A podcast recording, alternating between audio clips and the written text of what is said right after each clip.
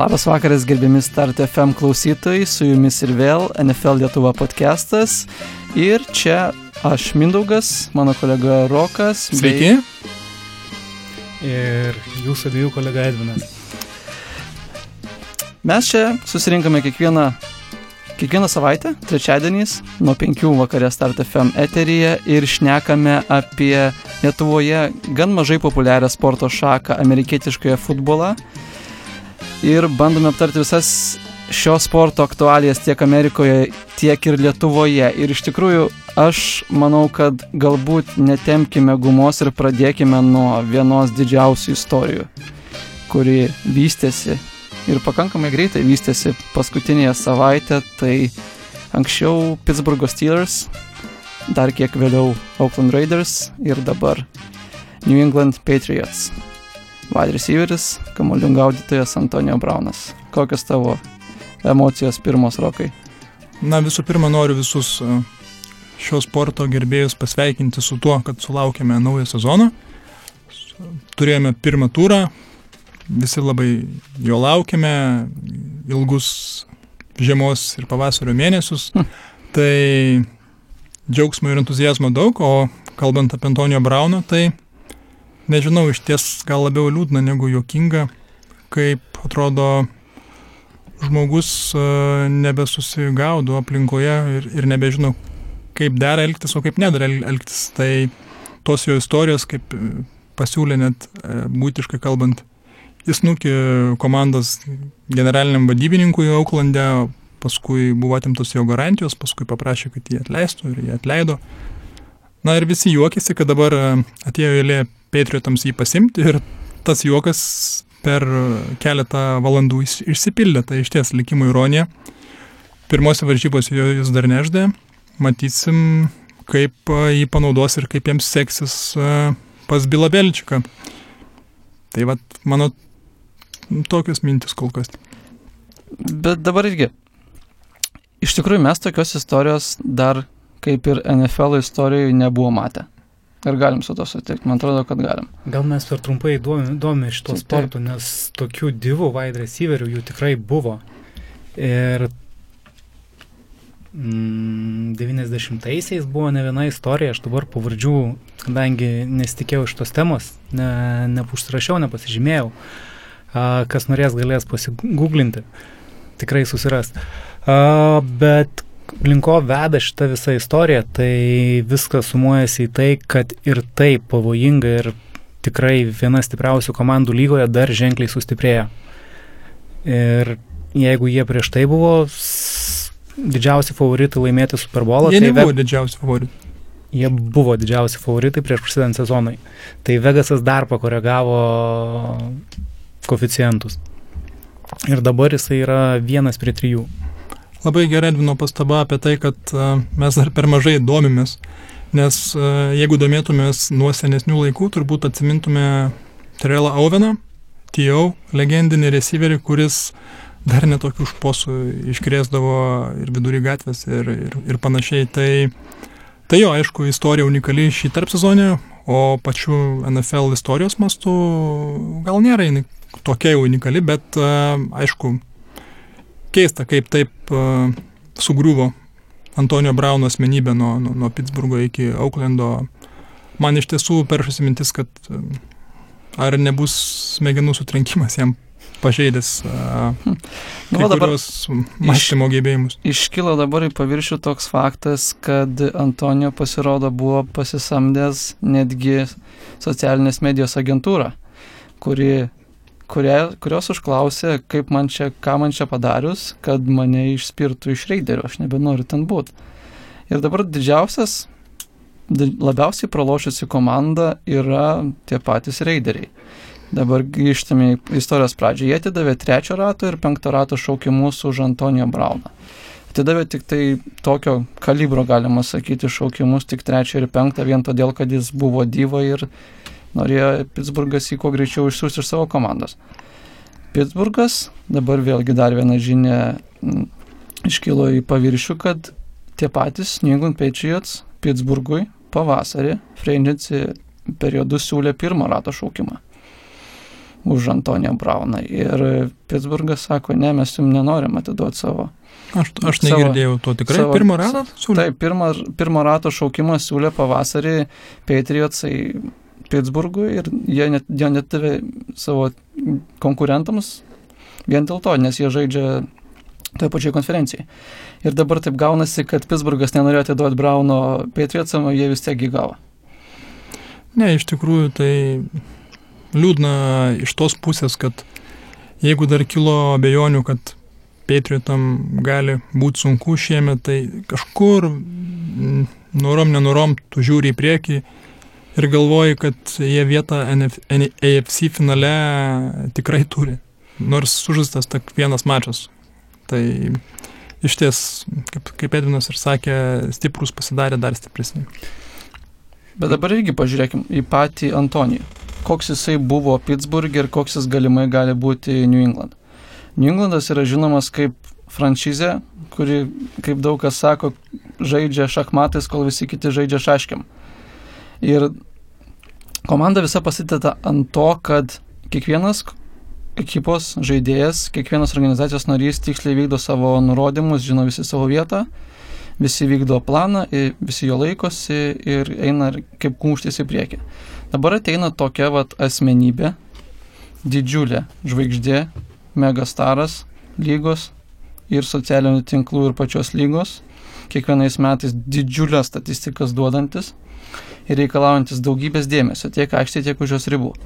Ir kaip inkorporuojasi va toks žmogus į tokią organizaciją? Mano nuomonė, tai jeigu yra organizacija, kuri galėtų susitvarkyti su tomis problemomis, tai ko gero New Englandas yra to sąrašo viršuje. Mm, nes mes visi žinome, kaip reikalus sprendžia Bilas Beličiakas ir pas jį vietos užklasiniai veiklai nelabai yra paliekama. Jeigu reikia, jisai priima skausmingus sprendimus ir ne, netemdamas ir suvaldydamas tą dramą iki minimumo. Aš, aš dar trumpai gal pasakysiu, bet e, klausimas, ar visus tas gazdina. Nes nepaslaptis, kad e, kai kurie buvę Patriot žaidėjai sakė, kad ten žaisti nėra smagu. Taip, ten yra geležinė drausmė, bet e, klausimas, ką Antonio Braunas gali prarasti, jeigu jisai leido savo tokį šau padaryti Auklende, kad visą Ameriką pradėjo abejoti jo e, psichiniu stabilumu, tai jokių garantijų, kad uh, nesugalvos ir pasiūsti to paties Belčiuko vieną dieną. Tai aš manau, kad uh, mes dar pamatysim, o esmė ta, kad Patriotsai padarė Laurisk High Reward move, kai jeigu viskas bus gerai, Patriotam bus gerai, o jeigu ne, tai tiesiog bus suleidę 10 milijonų kuriuos jie ilgų kepurėje turi ir jie pralošti iš tos situacijos negali. Dabar irgi pažiūrėkim ne tik į psichologinį aspektą, kaip vad valdyti tokį, tokį asmenį komandoje, tokį grįžtų į organizaciją, bet pažiūrėkime tai, kaip jis gali atrodyti aikštelį. Ir ką mes matė bent jau praėjusiais metais, kad Antonio Braunas reikalauja daugybės targetų kiekvieną mačą. New Englando polimas yra pastatytas visiškai priešingai. Ten viską, visi targetai ir tas cyramas polimo dėmesys, gaunami kamuoliai priklauso grinai nuo to, su kuo žaidži kiekvieną savaitę. Vieną savaitę gali gauti ten tas trečias running backas Rex Burkhead, gali gauti 8 targetus, kitą savaitę jis gali gauti 1 arba 0. Vieną savaitę Julian Edelman gali gauti 10 targetų ir 100 jardų turėti, kitą kartą gali turėti 2 kečius už 20 jardų. Ir kaip Antonijo va tokioj sistemoj, kurioj reikia visiš, viską preciziškai tiksliai vykdyti. Kiekvieną rautą bėgti reikia labai tiksliai, suplanuoti kiekvieną sekundę, pasukti į vieną į kitą pusę. Antonijo rautus bėgti moka tikrai. Antonijo rautus bėgti moka, bet, bet, bet ik, ik, apie ką aš kalbu, kad dabar vat, Breidis nebūtinai duos kamulį Antonijai. Na, nu, bet Kiek... pagyvensim, pamatysim. Aš manau, kad palaukim, kol bent išbėgs aikštė. Jis dar net nebuvo išbėgęs aikštė. Aš manau, kad mes dabar turim labai daug tiesiog spėlionių ir ir realiai mes nu, neišdiskutuosim ir ne, nenuspėsim tos ateities, o jeigu ir nuspėsim, tai tiesiog pasiseks mums, kad nu, taip nuspėsim. Nu, taip. kartais būna, kad pasiseka nuspėt. Per praėjusį podcastą sakiau, kad galiu visas santų pastatyti, kad Miami's nelaimės. Tai ne čia savaitę, nu, būčiau pas, šiek tiek pasikėlęs pinigų šią savaitę, žinant, kaip pasibaigė tas mačas. Ir taip, taip prabilus galima tiesiog eiti tada link aptarimo praėjusios savaitės rungtynių, rungtynių, kurios vyko ketvirtadienį, sekmadienį, beigi pirmadienį. Pirmadienį neįprastai vyko netgi, pirmadienio naktį vyko netgi dviejos rungtynės. O viskas, pirmoji NFL savaitė prasidėjo ketvirtadienį, kur susitiko du siaubingai vienas kitam prieš priešą jaučiantis klubai, tai Green Bay Packers ir Chicago Bears. Ir kokios jūsų kolegos mintis apie tas rungtynės? Na, man tai tiesiog uh, gaila galbūt Čikagos fanų, nes panašu, kad iš pirmo mačo panašu, aišku, reikia duoti kreditą ir Grimbėjos gynybai, bet panašu į tai, kad Mičas Turbickis vis dar neišmokė mėtyti taikliai, neišmokė, neišmoko mėtyti į kairę ir jo dalis didelė perdavimų vis dar skrieja 10 jardų iš šono nuo ten, kur yra artimiausias receiveris. Tai, tai mano tokia tik tais uh, išvalga.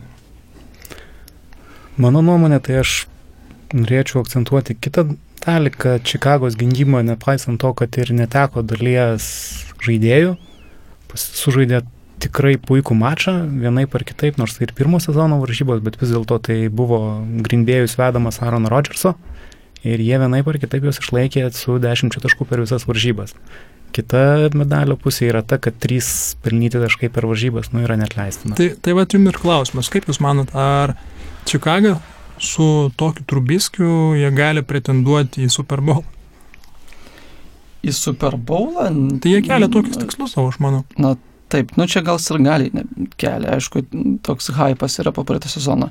Iš tikrųjų dabar vat, pirmos, rungty, pirmos rungtynėse buvo labai įdomu pamatyti, kaip komandos žaidžia tos komandos, kurių startinių vienuoliktukų žaidėjai arba visai nežaidė, arba žaidė žiauriai mažai prisizonę. Ir abi komandos buvo būtent tokios. Ir matėm, pirmam kelinį išėjo tiek Čikaga, tiek Grindbėjus. Keturi, pirmas keturios atakos buvo pant, pant, pant, pant. Iš kurių berots ar du buvo three and out, tai yra trys deriniai ir eini sėdant soliuko. Tai čia gal nebūt kiek gynybos nuopelnai yra tiek vienos, tiek kitos komandų, kiek čia yra labiau visiškas neįgalumas polimų, dar esant nesusižaidus.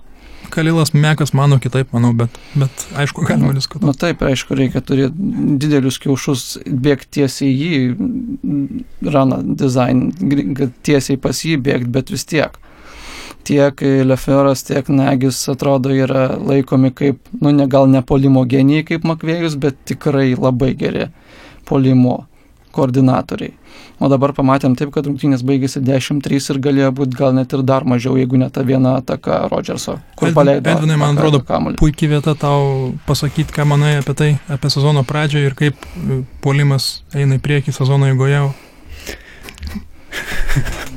vienareikšmiškai sezono pradžioje gynybos turi pranašumą prieš polimą, nes polimas reikalauja pakartojimų, tikslumo, laiko suderinimo, o yra rusiškas posakis, lietuviškai išvertus tai būtų greuti, greuti nėra statyti.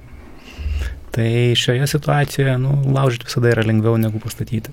Tai už tai mes ir gavom tokį rezultatą. Bet vis dėlto jį, kaip pasakė kolega Mindaugas, kad polimai buvo apgailėti, na aš ne visai su tom sutikčiau, nes 3 ir 10, 13 pelnytų taškų per varžybas abiejų komandų sumoje, tai reiškia, kad tikrai savo darbą turėjo atlikti ir gynybos. Nes net Giantai pelnė 10 taškų berots, ar 17 net. Giantai pelnė 17 taškų. Jo, 17, Dallasui. tai... 35-17 baigėsi. Tai va, tai čia yra labai geras pizdys.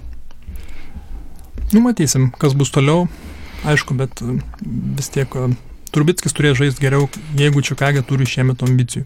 Bet kitaip nieko nebus. Bet Čikagos labai įdomus polimas. Iš tikrųjų, didžiąją dalį viso dėmesio tiek kamolių, tiek targetų gavo vienas žmogus. Alan Robinson, jų wide receiveris. Pirmasis. Daugiau antras pagal viską buvo Cohen? running backas, taip, Terry Cohen kas iš tikrųjų rodytų, kad komanda dar nelabai žino, kaip išnaudoti Trubiskį šiemet. Nes jeigu running backas yra antras pagal targetus, o tų targetų tikrai buvo ne vienas, ne du, ne trys ir ne penki, tai iš tikrųjų bus labai įdomu žiūrėti, ar tas išnaudojimas Turbiskio pavyks taip, kaip jis pavyko praeitais metais. Nes panašu, kad gynybos jau pradeda perprasti visas šito quarterbacko limitacijas. Tas teisybė, bet aišku, vien tik tai, kad running backas daug gauna targetų, nieko blogo nesako. Seinsuose Kamara, man atrodo, klausimas, ar nedaugiausiai gauna iš visų targetų. Gal Tomasas gauna daugiau, bet, bet kuriuo atveju tai ne čia yra, manau, problema Čikagos polimo tai, kad e, tiesiog trūksta tikslumo ir tas buvo nuo pat koledžo laikų, Trubiskio niekas nebijojo, kad jis gali bėgti, kad jis turi smagę ranką, kuri gali nusviesti kamoliu toli. Na, reikia ir tikslumo. Tai pamatysim, kas toliau pas mus, Mindaugai. Toliau mes, man atrodo, galėtumėm keliauti prie ko gero didžiausios šios savaitės sensacijos, tai rungtynės Cleveland'e, kur susitiko Titans ir Browns. Mačas, į kurį iš tikrųjų koncentravosi daugelio žiūrovo akis šį savaitgalį ir, man atrodo, daugeliui teko nusivilti tuo, ką jie pamatė. Anaip tol, tik, tik nudžiugti teko. Na, Galima ir taip sakyti, iš tikrųjų, tiem, kad tie žmonės, kurie nemėgsta Clevelando ir to, kaip jūs ir gali po vienerių metų tokias didžiulės viltis į viską dėjo, gal tikrai turėjo ir apsidžiaugti. Rungtynės baigėsi 43-13. Jo, bet tenisų komandos naudai. Jo, bet trečiam kelniui dar buvo 15-6, jeigu aš neklystu, ar kažkas tokio. Žodžiu, kad uh, Pabėgo tenisis tik ketvirtame kelnyje, kai Bakeris numetė du interceptionus, tiesiog pabėgo titanai. Tai, tai, tai nebuvo jau tokios varžybos į vienus vartus, bet ką mes pamatėm? Pamatėm, kad Bakeris, nepaisant to, kad yra tikrai tikslus quarterbackas, jis dar prieima daug blogų sprendimų.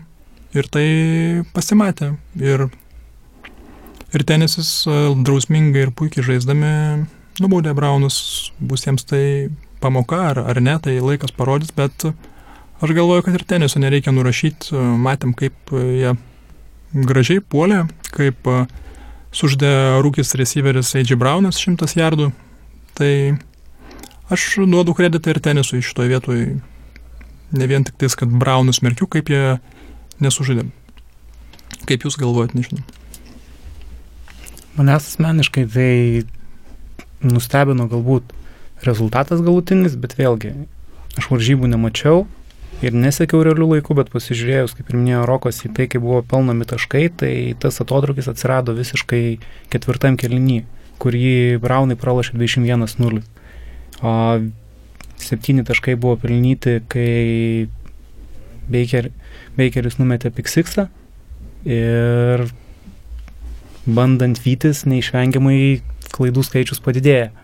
Ir ten, kur dar varžybos, kurios galėjo būti pasibaigti artimesnių rezultatų, rezultatų skirtumai išauga, prasideda avantūrinis žaidimas ir turim rezultatą, kuris atrodo, kuris neatspindi realios rungtynių tekmės ir kiek tos rungtynės buvo klaus. Tai šiuo atveju buvo daug labiau kovingos ir artimos negu galtinis rezultatas. Bet irgi galima apie kitą aspektą kalbėti, kad jos galbūt net ir neturėjo būti klaus. Žinant, taip, kai, žinant tai, kaip Klyvlendas, ką jie darė off-seasonė, kiek jie žmonių pasiemė, aišku. Dabar daug kas sako, kad viena, ko gero, pagrindinė klaida buvo ištreidinti jų left guardą. Kevin Zeitler, kuris buvo gana aukštai vertinamas Pro Football Focus. Tai Zeitleris išėjo ir išėjo, Peppersas išėjo, tai Nežinau, pakeitė vieni žaidėjai kitus, OBJ atrodo ok. Mm, tiesa, nestebėjau, kaip atrodo Oliveris Vernonas, Sheldоnas Richardsonas, bet problema yra ir, ir gynyboje, ne vien polime, tai reikės Klyvlendui dar susistiguoti. Aš nemanau, kad mes iš čia turėtume daryti dramatiškas išvadas ir na tikrai nemaniau, kad tai bus lengvas pasivaikščiojimas Klyvlendui, nes tai nėra tokia komanda kaip New Englandas ar kaip Chiefsai, kurie gali tikėtis daug lengvų pasivaikščiojimų. Tai tenesis kompetentingo komanda, kuri kaip ne kaip pernai irgi laimėjo ar aštuonias varžybas, tai jie turi solidžių building blokų ir jie niekam nėra toks labai lengvas pasivaikščiojimas, o šį kartą tiesiog suždė geriau už Klyvlendą. Man tai taip atrodo. Iš tikrųjų dabar tos rungtynės, manau, turėtų gana gerokai numušti tą visą ne tiek optimizmą, kiek galbūt ir egoizmą iš žaidėjų pusės. Nes dabar, ką matėm šį off-seasoną, Baker Mayfield buvo iš tikrųjų galbūt po Patrick Mahomes'o pagrindinis lygos. Tiek reklamų, tiek dėmesio taikinys. Ir koks dar įdomus pakankamai epizodas buvo paskui šiuose rungtynėse sekmadienį, tai kad tavo rokai mylė, minėtas, galbūt ir mylėtas, e, OBJ žaidė rungtynės su 300 tūkstančių JAV dolerių vertės laikrodžiu ant rankos. A, girdėjau šitą dalyką, tai aš to Jo. nesureikšminu. Aš... Na, dabar jisai, aišku, sureikšmin gali nesureikšmin, bet dabar lyga sako, ateinam pasišnekėsim, nes pažeidė ten tokią ir tokią Na, taisyklę. Pasišnekės, pasakys atsiprašau, gaus baudą dar 3000, tai kitą kartą nebeteis ir viskas, bet čia iš to dramos daryti nereikėtų. Aš daug labiau laukiu, ką pasakys Kolinas Kauherdas apie Bakerio pasirodymą, bet šito tai aš Na, laukiu. Jisai, ko gero, jeigu ir būtų laimėję, būtų ko gero galbūt tą patį pasakęs, žinant jo didžiulę meilę. Tai vad mūsų Bakeriui. klausytojai, kurie klauso per Start FM, taip pat internete, a, prie NFL Lietuvo paskirų, jeigu rasite, ką sako Kolinas Kauherdas apie Bakerio pasirodymą, įkelkit. Lauksim tikrai, nes šitas žmogus niekada nenuvilia, kai išnieka apie Bakerį. Tiesa. Kas toliau pas mus, Mindaugas? Toliau aš jau minėjau vieną mačą šios savaitės, kuris atnešė daug fantasy žaidimo menedžerių džiaugsmo, tai Baltimorė prieš Miami. Miami visiškai disfunkcinė organizacija dabar. Pasigirdo net gandų, kad kai kurie ir žaidėjai nori iš jos bėgti kuo greičiau, susisiekė su agentais, sako darykit ką nors, ištre, iš, mane, ištremkit mane iš šitos komandos, aš nenoriu čia būti. Sakė net dešimt tokių žaidėjų, apie dešimt. Tai, Dešimt aišku, kiek tame tiesos, gal iš tikrųjų trys, bet vis tiek skambas šmaikščiai. Kad ir 3. 3 iš 53, jeigu jie yra pakankamai svarbus, tai yra rodiklis. Aš Miami galiu pagirti už tai, kad jie nusekliai vykdo savo planą. Jie turėjo planą žaisti šiemet kuo blogiau, kad turėtų pirmą piką, kad galėtų draftinti quarterbacką ir jie labai puikiai šito plano laikosi. Sveikinimai jiems. 50-90. Kas yra rezultatas, kokio NFL lyga iki šiol visoje istorijoje dar nebuvo matęs. Tai Korigami, Taip, jei. vadinamas korigamis, taip. Tai vad ko gero du pagrindiniai punktai apie šias rungtynės. Daugiau ten galbūt nelabai ką ir be to, kad Jacksonas metė ko netobulai ir negalima pasakyti. Jo, vat norėtųsi įvertinti, aišku, Jacksono progresą ir šios varžybos gal nelabai tam tinkamas, nežinau, Edvinai, ką tu man. Tiesiog viena komanda yra NFL komanda, o kita yra sudaryta, kitos brandolį sudaro turbūt net ne NFL lygio žaidėjai, bet praktis kuodo lygio žaidėjai. Tai taip jau būna. Panaši situacija, kaip Lietuva žaistų prieš Braziliją futbolą. Tai toks pat lygių skirtumas. Daugiau nėra ką diskutuoti. Nu, apie futbolą yra atskira kalba. Brazilai galbūt net ir aikštelė neišbėgtų dėl mūsų aikštelių kokybės. Na, bet čia kitas, kita tema jau, kitam kartui. Toliau teskime, buvo rungtynės, kurios bent jau iš pradžių atrodė, kad bus atkaklios ir tikrai žiūrėtinos. Tai žaidė Atlanta Falcons su Minnesota Vikings. O buvo visai ne taip. 28-12 Minnesota visiškai dominavo Atlantą ir panašu, kad Tai jie pirmavo 28-0, ar aš Taip. neklystu. tai ten vieni vartai iš tikrųjų buvo. Nors Jo, tas rezultatas dar net neatspindi šito vietu. ir kas įdomu, galbūt iš šitų rungtynių, kad Minnesota žymiai daugiau kartų bėgo negu metė kamuolį. Tai treneris Zimeris gyvenina pagaliau savo viziją, pagaliau sveikas Kukas, running backas, kuris tikrai gerai žiūrėjos tarp sezonį. Panašu, kad ir linija sustiprėjo, pirmam rate buvo centras draftintas Bradbury. Ir iš tikrųjų tai yra komanda subalansuota, turinti daug stiprių vietų, ar- arba tiksliau neturinti daug silpnų vietų. Ir, na ką, malonis taigmena, aš net nežinau, ką Jūs manot, ar Minnesota gali laimėti, laimėti NFC North? Mano nuomonė, šitos varžybos buvo netikėtos ir galbūt jos nekiek netikėtos buvo apie Minnesotos pasirodymą, bet mane nuvylė Atlantos pasirodymas. Nes komanda, kuri vienaip ar kitaip jie pernai irgi neturėjo stipraus sezono, bet jie polimas pelnydavo taškus, Jie turėjo kitų problemų. Problemos gynybose, kažko, gynyboje kažkokios klaidos. A, trūko stabilumo, o čia toks vaizdas, kad komanda visiškai sugriuvusi nuo sezono pradžios. O kalbant apie Minnesotos šansus laimėti NFC North, tai mano nuomonė ten bus stiprus mūšis ir Minnesota jame dalyvaus. Tai trys komandos kausis ir turbūt ten paskutiniuose trijuose turuose tik tai susidėlios taškai. Bet turbūt Detroitas nepretenduoja į tą, ne, ko gero? Ko gero ne. Ypatingai po šios savaitės rungtynių su Arizona, bet iki jų mes dar pribėgsim. Ką aš dar norėčiau galbūt paminėti iš tų pačių Minnesotos Atlantos rungtynių, tai kad pirmosiamis savaitėmis Atlanta paprastai niekad gerai nežaidžia. Pra, praėjusią sezoną lygiai tą patį matėme ir dar yra pakankamai toks įdomus faktas, kad Atlanta žaidžia žymiai geriau, kai žaidžia uždaram stadione. Tai ir žaidžia uždaram stadione. Vikingai jau užsi, užsitvėrė savo. Užsitvėrė jau. Yra. Jo, įdomi žaidžia vikingai. A, nu tada tai nėra pasiteisinimo Atlantai. Na, keliaukime galbūt prie mačo, kuris aktualus vienam iš mūsų dabar šnekančiųjų, tai Vašingtonas su Filadelfija. Tai perdodu žodį Edvinai to. Buvo puikia mačo pradžia. Mm, Puikia 17 nuotaika. nulis, ar ne? 17-0, 27 po dviejų kelinių, o paskui apsisuko viskas į priešingą pusę. Jeigu pirmoje pusėje galima pasakyti, kad Redskinai dominavo, nemeluoju rokai. Kartu Tikrai žiūrėjom taip, tikrai taip. tiek pulime, tiek gynyboje, bet nu, trečiam keliniui buvo subirėta ir antra rungtynių pusė buvo pralaimėta 25-7. Tai tiesiog laimėjo stipresnė komanda, nes niekas nelaikė Redskinų favoritais, ar juo labiau netgi galėsinčiais kabintis į gerklę Filadelfijai prieš tas varžybas, įskaitant tai, kad jos buvo žaidžiamos Filadelfijoje. Ar matai pozityvo Vašingtono komandai pasibaigus varžybom, kad kas nuteiktų optimistiškai žiūrint į priekį?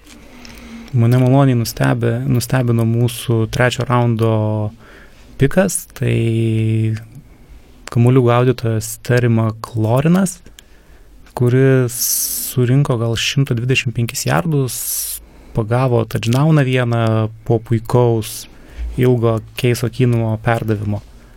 A, ir kas be ko labai malonė staigmena buvo tai, kad Kinumas sužaidė savo karjeros varžybas, ko gero. Bent jau pirmą pusę tai tikrai buvo jo geriausia karjeroje sužaista kažkada, tai per visą jo karjerą. A, ir nemaloniai mane nustebino kita komandos pusė, tai yra gynyba, kuri kaip ir buvo laikoma ir aš pats laikiau ir tikėjausi iš jos daugiau. Uh, jeigu pirmoje pusėje viskas buvo tvarkoje ir žaidė taip, kaip buvo tikimasi, tai antroje pusėje visiškai subirėjo ir sugriuvo. Ir jokio pasipriešinimo nesugebėjo sugeneruoti ir rasti priešnodžių prieš Vensą ir kompaniją. O dabar, vat, kaip vertintum tą tokį ėjimą prieš praėjusios savaitės rungtynės pasodinti ir net neleisti žaisti vienam geriausių visų laikų running backų Adrian Peterson? Mano nuomonė, tai čia yra daugiau dramos darimas ir dėmesio ieškojimas. Tai tiesiog yra trenerio sprendimas. Šiaip jau tiek mūsų buvęs startinis running backas, kuris gavo traumą Darius Džius, Darius Gais. Darius Gais, tiek AP jie yra pakankamai panaš, panašaus stiliaus žaidėjai ir natūraliai prioritetas buvo suteiktas jaunesniam žaidėjui, kuris turi daugiau apsaido, o AP laiko klausimas, kada išeis į užtarnautą polisį. Bet AP jis va toks yra, kad jis labai nenori išeiti tą polisį, nes jis vos tik nueina į kokią komandą, jis visada sako, kad aš esu number one ir aš turiu pasimti kamolį visą laiką.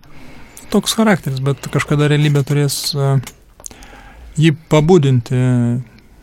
Tai mes neužmirškime, aišku, kaip yra legendinis running backas, first ballot Hall of Fameris, turės nuostabių sezonų, ranų ir savo laikų nesustabdomas running backas.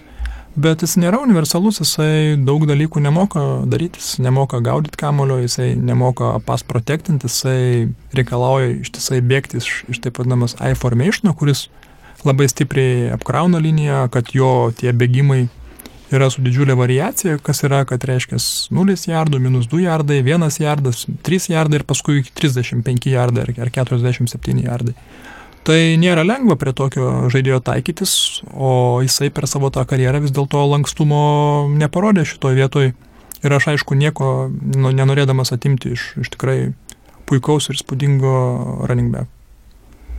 Na, bet dabar jis vėl gaus visą dėmesį polime, žinant tai, kad minėtas naujokas Darius Gais bent jau antrai savaitai jis bus iškritęs iš rygiuotės ir nežais, dar kol kas Dabar trečiadienį dar kol kas nėra aišku, kokia jo tiksliai yra padėtis, tačiau viena yra žinoma, kad IP turės kamuolį su savim šį ateinantį sekmadienį ir pažiūrėsim, kokie bus rezultatai šito polimo ir ar ir keiskinamas galės bent maždaug replikuoti tą pasirodymą, kuris buvo praėjusią sekmadienį. Sužinosime visą tai sekmadienį. 20.00 Lietuvos laiku. Na gerai, dabar manau keliaukime prie dar vienų pakankamai įdomių rungtynių, kurios vyko praeisį sekmadienį. Tai rungtynės, kurios gal prieš porą mėnesių, apie, apie kurias prieš porą mėnesių galbūt būtume kalbėję visiškai kitaip, bet dabar situacija pasikeitė ir mes kalbame apie rungtynės Los Angeles Chargers prieš Indianapolis Colts. Pam, laimėjo po pratesimo, e, Chargeriai 30-24 berots. Taip.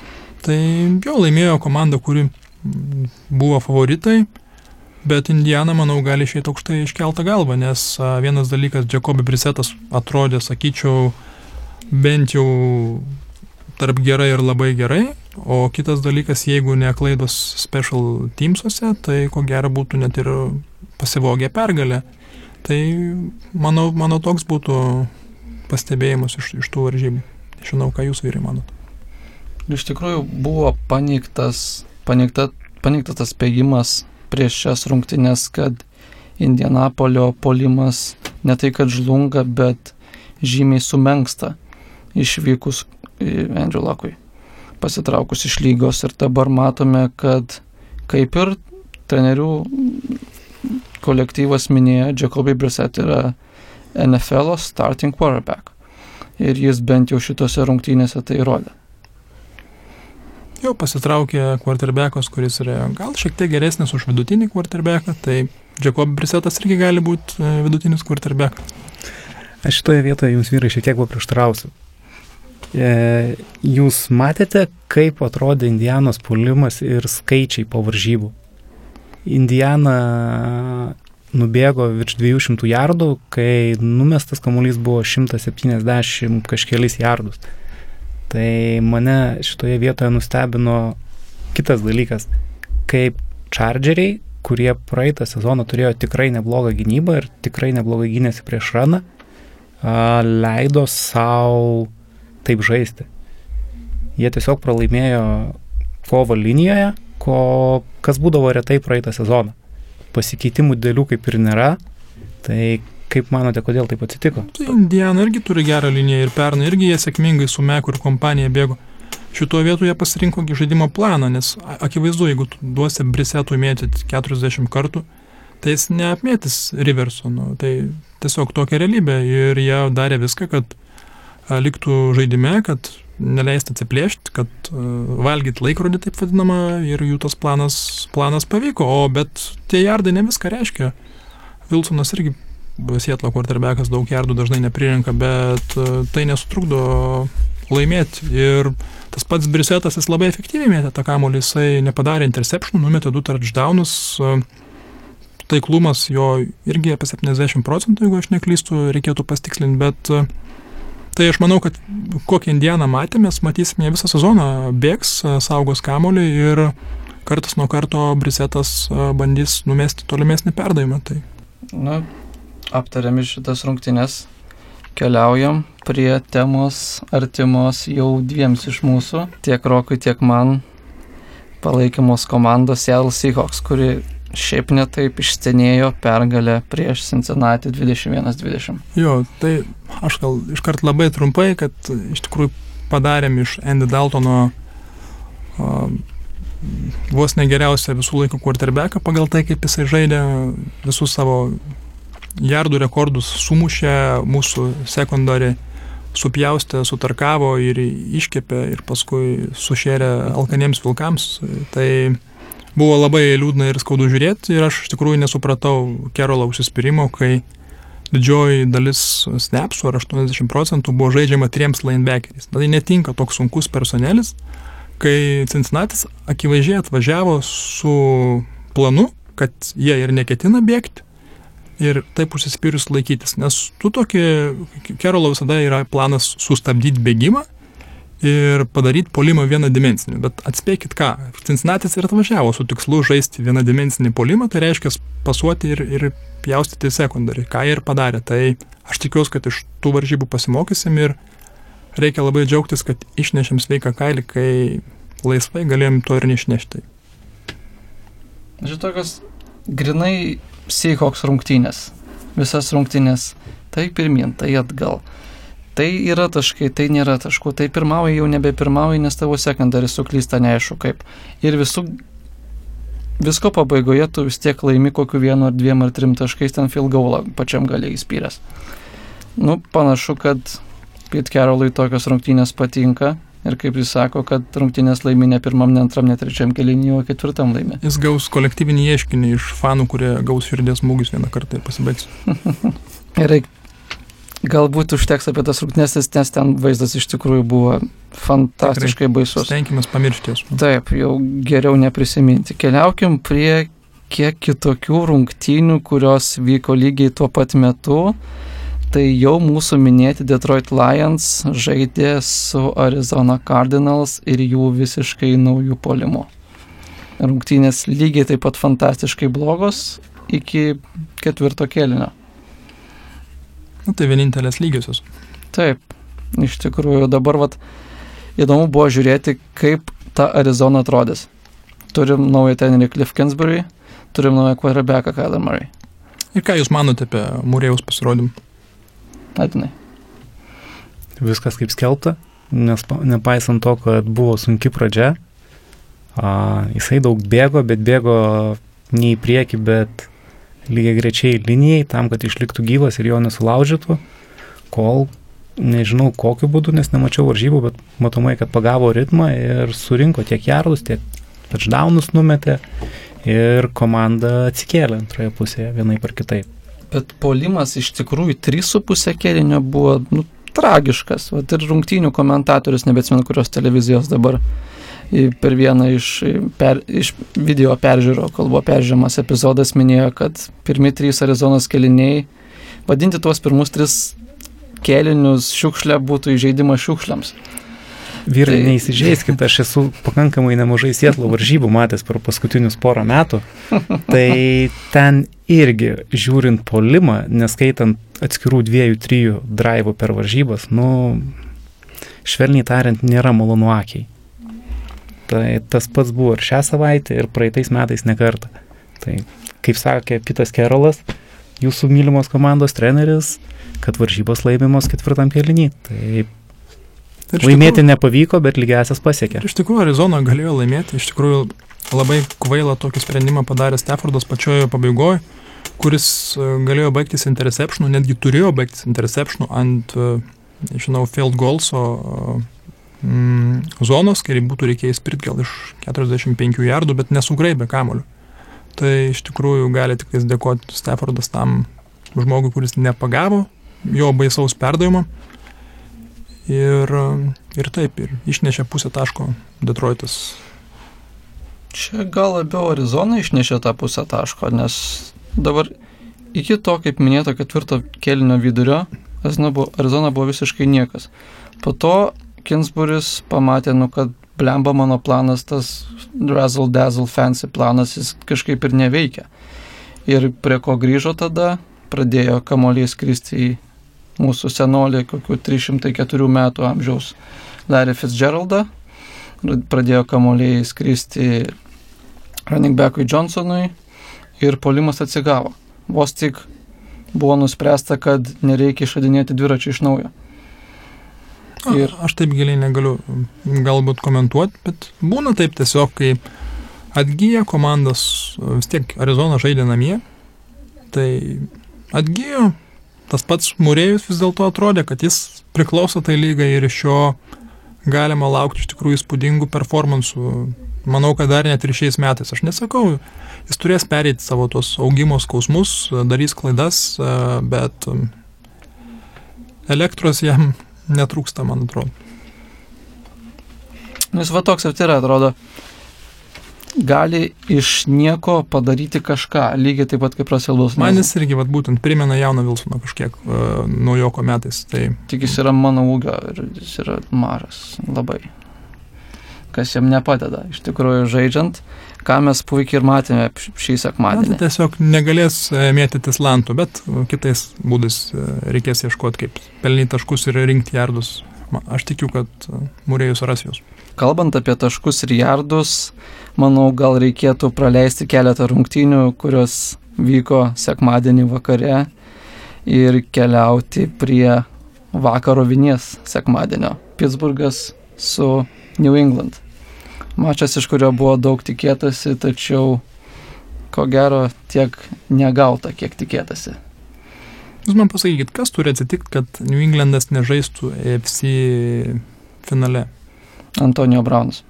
Tai jo. sunaikins komandą iš vidaus, visi žaidėjai pradės naudoti socialinę mediją, Beličiakas atsidarys Instagram account ir, ir visą organizaciją sugrius. Kokia tikimybė, kad tai bus? Nėra.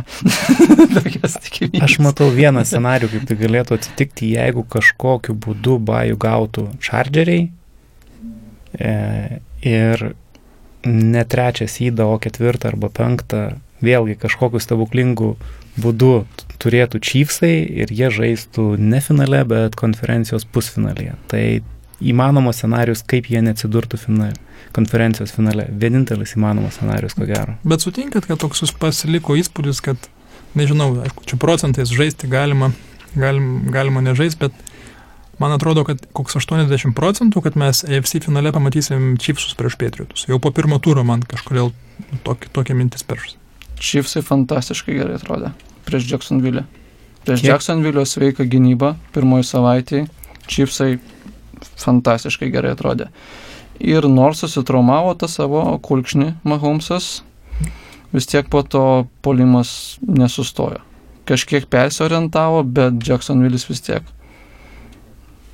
jokių priešnodžių neturėjo jų polimų. Ir vat, kaip minėjai, ko gero, Chiefsai gali nuskausminti Patriotus. Vieninteliai šį metą. Pritarsiu Jums. Čipsai tęsia ten, kur pabaigė praeitais metais ir žiūrėsim, kur tai pasibaigs šiais metais. Ir dar noriu pagirti savo vyruką Semi Watkinsą, 200 jardų 3 touchdownai. Visada tikėjau, kad gali būti numeris vienas receiveris. Na, apie jį ir prieš sezoną tas pats Enderydas sakė, kad jis yra geras daiktas. Tik jam reikia atsiskleisti. Kaip yra su Folsu? Ar jisai grįš jame ar negrįš, nes patyrė gana rimtą traumą? Jisai... Dabar... Realiai rim, rimčiausia trauma per visą pirmą turą turbūt, ar ne? Niko Folso. Taip, taip, jo nebeturi Jacksonville'is ir jis dabar keliauja į Injured Reserve, EIR. Ir dabar pagrindinis Jacksonville quarterbackas bus žmogus iki šio savaitgalio tikrai mažai kam girdėtas Garnet Minšio. Puikiai girdėtas. Jisai irgi raginu visus, tie kas klauso mūsų per Starter, Start FM ar internetuose, pasižiūrėti, kaip atrodė Gardner Minšau koledže ir parašyti jam pažymį už, už jo ūsus, pavyzdžiui. O jausai tai labai geri. Tikrai. Ir jisai, va, iš tikrųjų, falsas iškrito, berots antram kelinį, ar ne taip? Kaž, kažkas to, ar, ant, ar antram, ar trečiam, dabar negaliu. Antram arba pirmame. O gal, jau greičiausiai, nu, vad, žodžiu, pradžioje rungtynį iškrenta falsas, ateina minčių. Ir su juo komandos polimas netrodė blogai. Jisai metė kamolį ir, man atrodo, buvo pradžioje ir 8 iš 8 ar 9 iš 9. Pirmi perdavimai, 100 procentinis taiklumas, tardžiaunas mestas, furnetas gyvas bėga į visus kampus be sustojimo ir ten toks vienu momentu net iššutautas buvo. Ne, tai pasitaškimas į abi pusės. Garneris uh, turi all the intangibles, kaip sakoma, tiesiog jo draftinis pedigree nebuvo toks aukštas dėl to, kad, na, sakoma, kad jis neturi NFL reikalingos pakankamai stiprios rankos. Jo, gana silpna ranka, jis negali toli mesti e, kamuolį sėkmingai greitai. Bet smagu bus stebėti jį, man tai bus labai smagu stebėti. Bet ar Jacksonville'is pastatytas ant to, kad mesti toli? Bet tu turi išlaikyti tą tokį vadinamą svertą ant to, kad gynyba tave respektintų, nes priešingų atveju susispaus, džemins ir, nu, bus sunku pulti. Kitas quarterbackas, kuris dabar jau toli nebemeta, bet visiškai naikina priešininkų gynybas yra Drew Brees. Ir jo komandos Saintsų, New Orleans Saints mačas prieš Houstono Texans buvo, aš drįščiau teikti, ko gero bus gražiausias šiemet. Atkakliausias tai tikrai. Atkak, atkaklus tikrai geras mačas. Dramatiškiausias pats. Ir vos neprireikė pratesimo, iš tikrųjų pats Houstonas, mano nuomonė, jie gale prisidirbo. Tai nepratesimo būtų Houstonas. Nu, nu taip, bet žodžiu, pra- jeigu būtų buvęs pratesimas, niekas nebūtų supykę, galbūt tik žaidėjai, kad jiem papildomai pabėgioti reikėjo.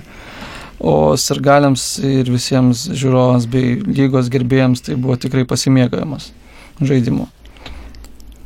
Jo, gaila Houstono, bet įspyrė Seinsai paskutinį field goalsą iš 59 jardų. Komplimentai Vilu Lucui. Jo, ir tai yra jo karjeros rekordas. Anksčiau buvo 57, jeigu neklystu.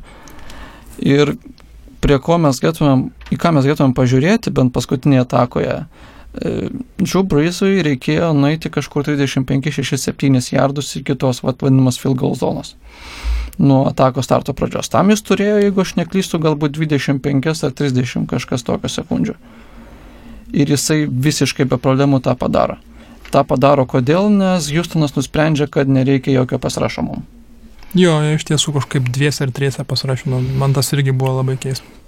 Ir va tokiam quarterbackui kaip Brysui tu duok tą kišenę, clean pocketą ir laiką visą, laiko visą aikštę apsižvalgyti, kur mesti, tai jis tave skersai išilgai sunaikins. Kas ir įvyko. Šiaip iš tų varžybų labai įdomus faktas, kurį aš perskaičiau antradienį ryte. Tai Brysas iki paskutinės atakos nebuvo metęs kamulio toliau ore negu 10 jardų per visas varžybas.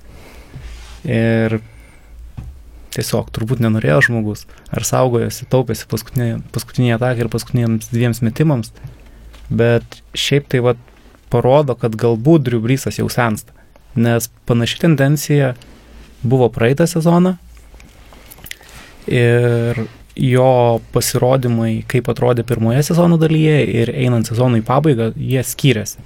Ir Seinsų polimas pradėjo šlubuoti į sezono antrą pusę. Tai klaus, šitos varžybos sukelia klausimų bent jau man, kaip Seinsai atrodys šiemet, ar jie tikrai bus ta komanda, ko visi iš jų tikėjosi prieš sezoną, ar vis dėlto Driubrysas bus nebe tas ir tas jo amžius pasivys jį. Ar tikrai 10, o ne 20? Nes aš man atrodo, mačiau bent keletą perdavimų ilgesnių negu 10. Aš abejočiau irgi šituo teiginiu. Tai vėlgi čia mūsų klausytojai raginami yra taip pat pasižiūrėti Aš ir tikrai- pataisyti, jeigu mes buvome neteisūs, o mes būname neteisūs visada. Taip, bet aš iš tikrųjų paprieštaraučiau tam teiginiui, kad Brysas yra jau toje senuko stadijoje ir New Orleanas leidžiasi žemyn. Bet jis ir pernai, Mindaugai, jeigu tu atsimintum antrą sezono pusę, jisai atrodė kur kas prašiau negu pirmojo pusė. Taip, tik antroji ten maždaug galbūt nuo 90. Nuo varžybų su Dalasu ir ta kreivė pradėjo Devintą eiti žemyn. savaitę jo. Aha. Tai įdomu bus iš tikrųjų. Bet dabar vat, kitas, jeigu prakalbom jau apie įdomias statistikas iš to mačo, tai buvo pirmos rungtynės JJ Watto istorijoje, kai jis neturėjo nei seko, nei teklo, nei quarterback rašo nieko. Tuščias buvo šitose rungtynėse. Absoliučiai. Tai dabar, izoliuotas, izoliuotas, kaip sakytų Uspaskichas. Nieko negalėjo padaryti ir va tą clean pocketą gavęs Brysas, kamolys judėjo kaip pas čipsus visas rungtynės. Ir daug ką pakeitė tai tas pirmas ir vienintelis jo interceptionas.